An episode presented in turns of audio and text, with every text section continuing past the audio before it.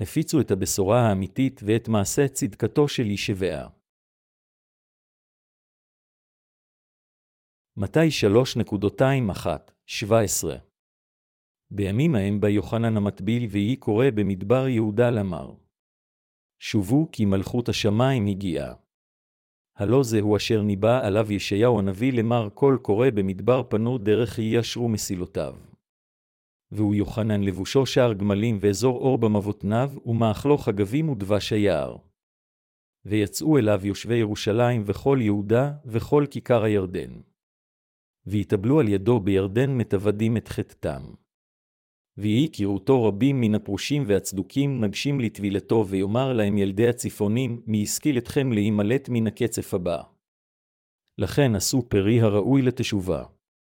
ואל תחשבו בלבבכם לאמור אברהם הוא אבינו, כי אני אומר לכם כי מן האבנים האלה יכול האלוהים להקים בנים לאברהם. וכבר הוא שם הגרזן על שורש העצים, והנה כל עץ אשר הננו, ועשה פרי טוב יגדע ויושלך באש. הן אנוכי טובל אתכם במים לתשובה, והבא אחרי חזק הוא ממני, אשר הנני, כדי לשאת נעליו, והוא יטבול אתכם ברוח הקודש ובאש. אשר בידו המזרה וזרה את גרנו, ואסף את דגנו אל אוצרו, ואת המוץ ישרפנו באש אשר לא תכבה. ויבוא ישוע מן הגליל הירדנה אל יוחנן להתאבל על ידו. ויוחנן חשך אותו לאמור אנכי צריך להטבל על ידך, ואתה בא אלי. ויען ישוע ויאמר אליו הניחה לי כי כן נבע לשנינו למלא כל הצדקה וינח לו. ויהי כאשר נטבל ישוע ומהר לעלות מן המים, והנה השמיים נפתחו לו. וירא את רוח אלוהים כי יונה, ונחה עליו. והנה כל מן השמיים אומר זה בני ידידי אשר רצתה נפשי בו. בתנ"ך, יוחנן המטביל הוא דמות חשובה ביותר. יוחנן המטביל קרא את בני ישראל לתשובה. אנו חייבים לזכור בדיוק את עבודתו של ישבעה ושל יוחנן המטביל. ישוע, אשר בא לעולם הזה, הושיע את בני האדם כשהוא מציית לרצונו של אלוהים יחד עם יוחנן המטביל. יוחנן המטביל וישוע באו לעולם הזה וביצעו את מעשה הצדקה. יוחנן המטביל דחק בבני ישראל לחזור לאלוהים. אנו יכולים לראות במתי 3.27 שיוחנן המטביל גער באומץ בפרושים ובצוקים באומרו, לידי הצפונים, מי השכיל אתכם להימלט מן הקצף הבא, כאשר הוא ראה אותם באים כאשר הוא הטביל. יוחנן המטביל הזה גער בחומרה בבני ישראל כנביא, חזרו בתשובה, ילדי צפונים, יוחנן המטביל היה נביא אשר עשה מעשה צדקה בעיני האלוהים והיה הנביא האחרון של תקופת הברית הישנה. יש כאלה התוהים כיצד יוחנן המטביל, כנביא האלוהים, יכול לבטא ביטוי נורא שכזה כמו ילדי צפונים בכל אופן. בתנ"ך רשום ונאמר לנו שזה היה מעשה צדקה לפני אלוהים. כל הנביאים צריכים להיות אנשים אשר צועקים למען מעשה הצדקה של אלוהים. ושם בא עוד אחד אשר השלים את מעשה הצדקה לבד מיוחנן המטביל. זה היה ישוע. בתנ"ך, הצדוקים הם פוליטיקאים. הם מדינאי העולם. הם נתנו דגש יותר לפוליטיקה של העולם הזה מאשר לשרת את אלוהים. בכל אופן, הפרושים היו מנהיגים דתיים שמרנים. יחד עם זה שהם אמרו שהם מאמינים בדבר אלוהים, כפי שהוא הם התכחשו לשוע. אלוהים התאכזב מאוד כאשר הוא ראה את האנשים האלה. בעיני האלוהים האם אנשים אלה רשעים או לא?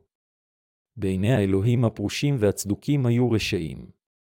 הפרוסים לא האמינו בישוע כמשיח. זוהי הסיבה מדוע צדק יוחנן המטביל כאשר קרא להם ילדי צפונים. יוחנן המטביל לא התפשר בזמן ההוא עם האנשים הדתיים. לא רק שהוא לא התפשר איתם, אלא הוא ניסה להחזירם כשהוא גוער בהם שהם ילדי צפונים. יוחנן המטביל לימד את האנשים אשר חזרו לאלוהים שתשובה בלבד אינה מספקת, אלא שעליהם להיות עם פרי תשובתם ולחזור מרשעתם. למשל, היה עליהם להחזיר ולשלם את כל הכסף אשר הם ניצלו. אז הם יכלו לבוא אליו להתאבל ולחזור לאלוהים. כאשר אנו שומעים את תביעותיו, אנו יכולים לראות ללא ספק שהוא היה משרת אשר נשלח על ידי אלוהים. הזמן שיוחנן המטביל הופיע היה בערך הזמן שישוע המשיח התחיל את כהונתו הציבורית. קריאתו של יוחנן המטביל הייתה כדי לעזור לעבודתו של ישבעה. בזמן ההוא, במשך 400 שנה בערך לא היה מסרת אלוהים לבני ישראל. לכן, הופעתו של יוחנן המטביל סיפקה גם הזדמנות לבני ישראל לשמוע את השגחתו העליונה של אלוהים ואת קולו. יוחנן המטביל קרא, ילדי צפונים, עשו תשובה וחזרו לאלוהים. התרחקו מעבודת אלילים. עליכם לוותר על אלוהים זרים ולחזור לאלוהים כדי להתחמק מדין האלוהים, זו הייתה ברכה נפלאה לבני ישראל שמשרת האלוהים יכול להוכיח אותם ולייעץ להם כך. כל עם ישראל רעד מקריאתו של יוחנן המטביל. הנס בו הכהנים הגדולים, הצדוקים והפרושים באוהל יוחנן המטביל עשו תשובה וחזרו לאלוהים מתרחש.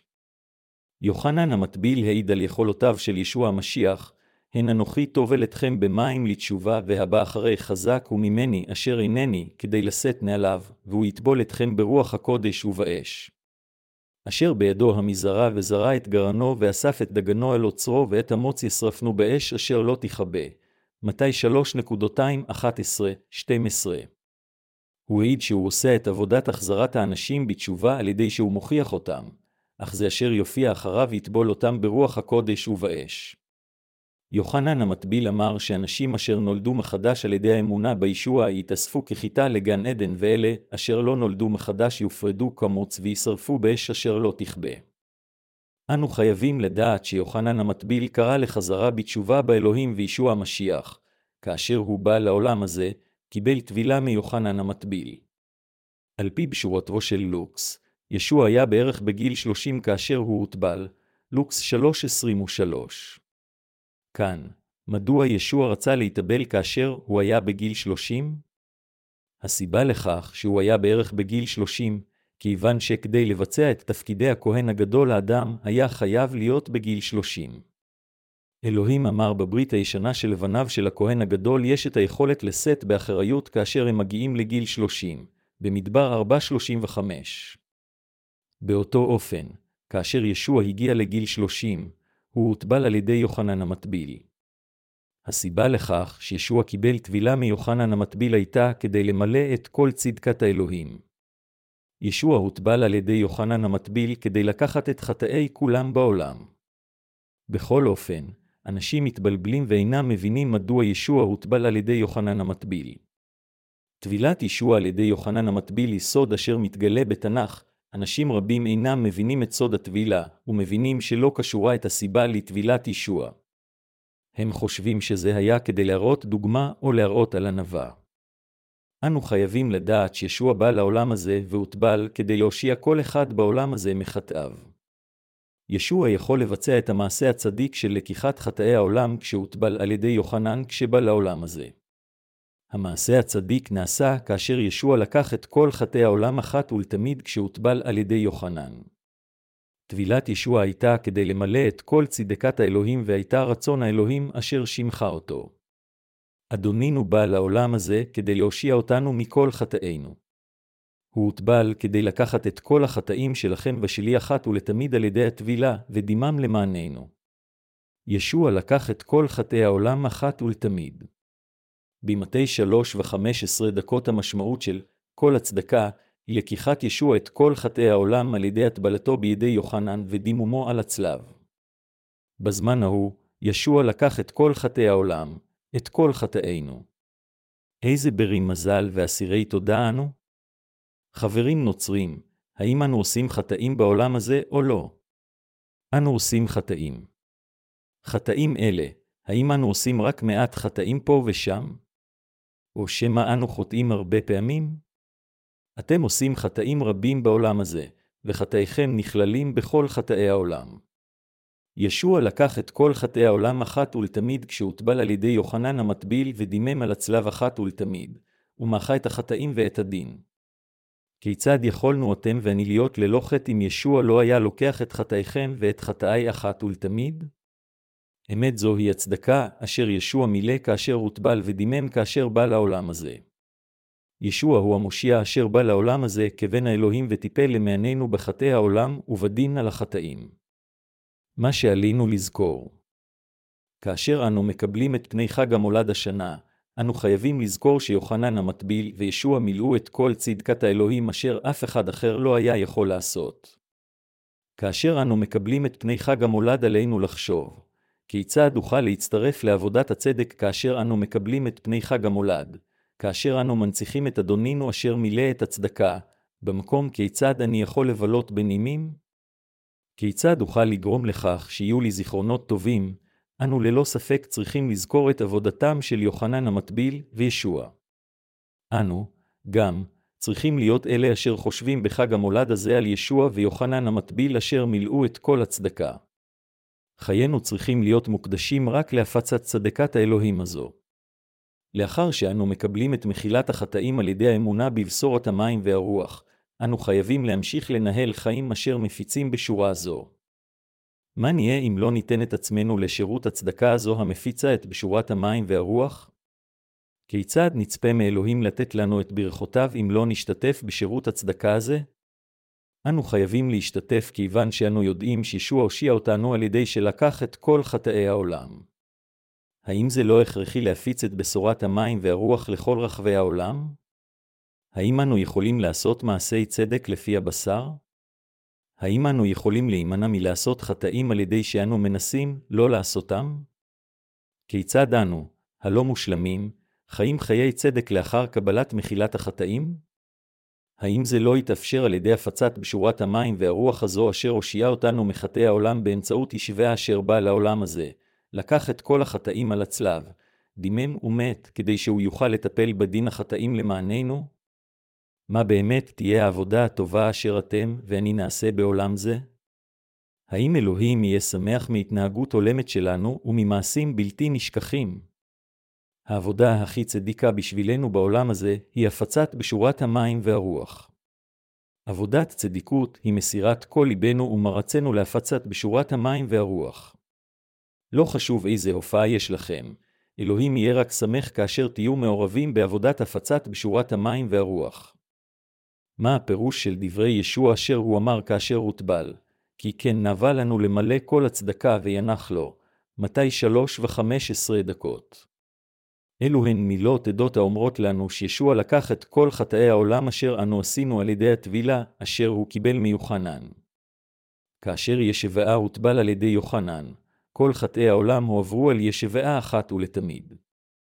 ישוע קיבל אחת לתמיד את כל חטאי העולם אשר היו שלכם ושלי באמצעות טבילתו.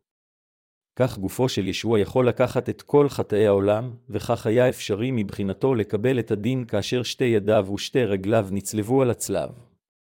בכל אופן, אין המשמעות היא שהחטאים היו על נשמתו.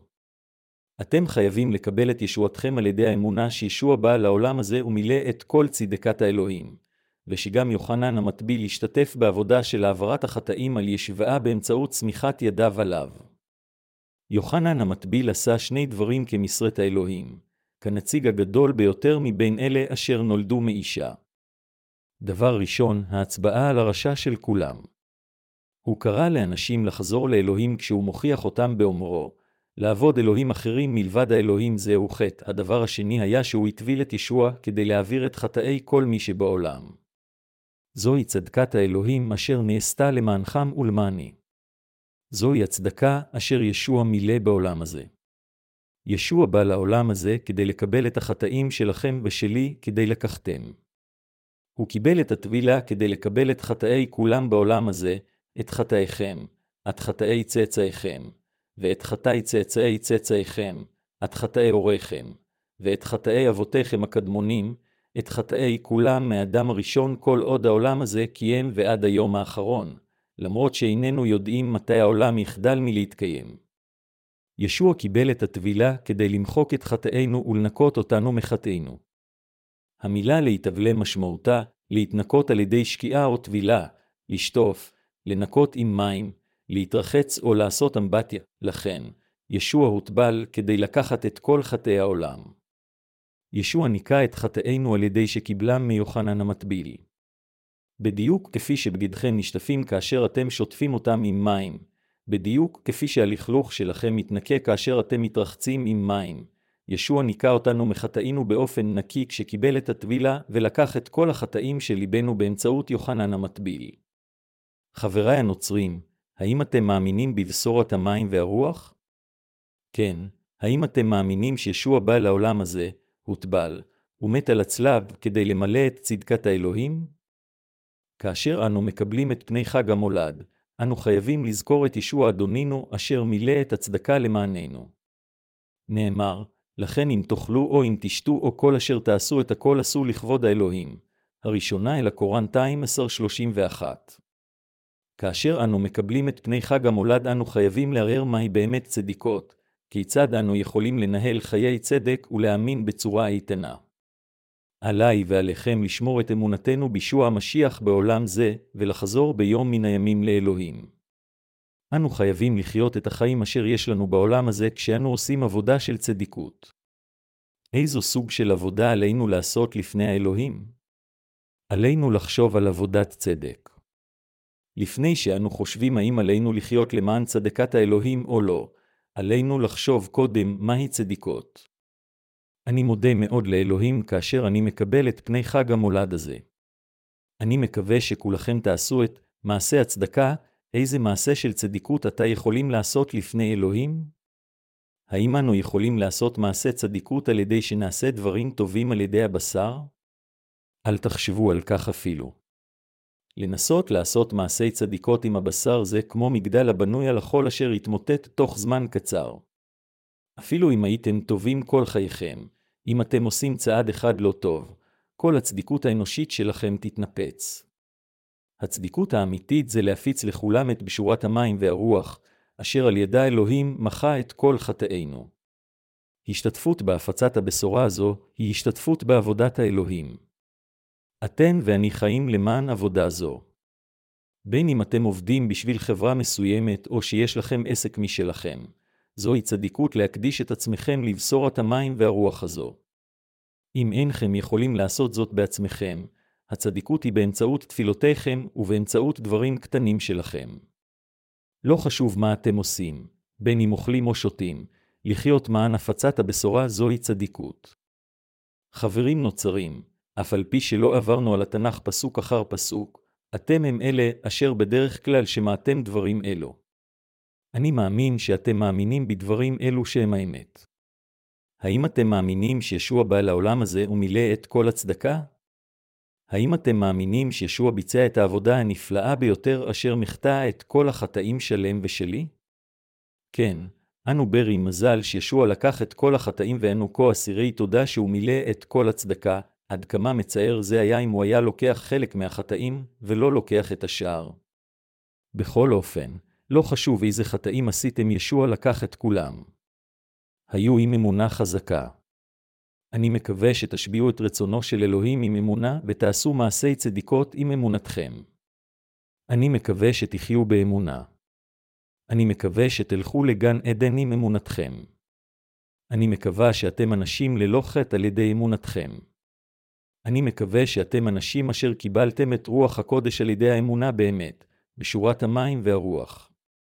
אני באמת מודה לאלוהים שוב ושוב כיוון שאני מאמין בבשורת המים והרוח.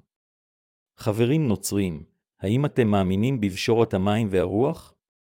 כן, אני מקווה שכולכם הם אלה אשר באמת מאמינים בבשורה האמיתית כאשר אנו מקבלים את פני חג המולד. הללויה.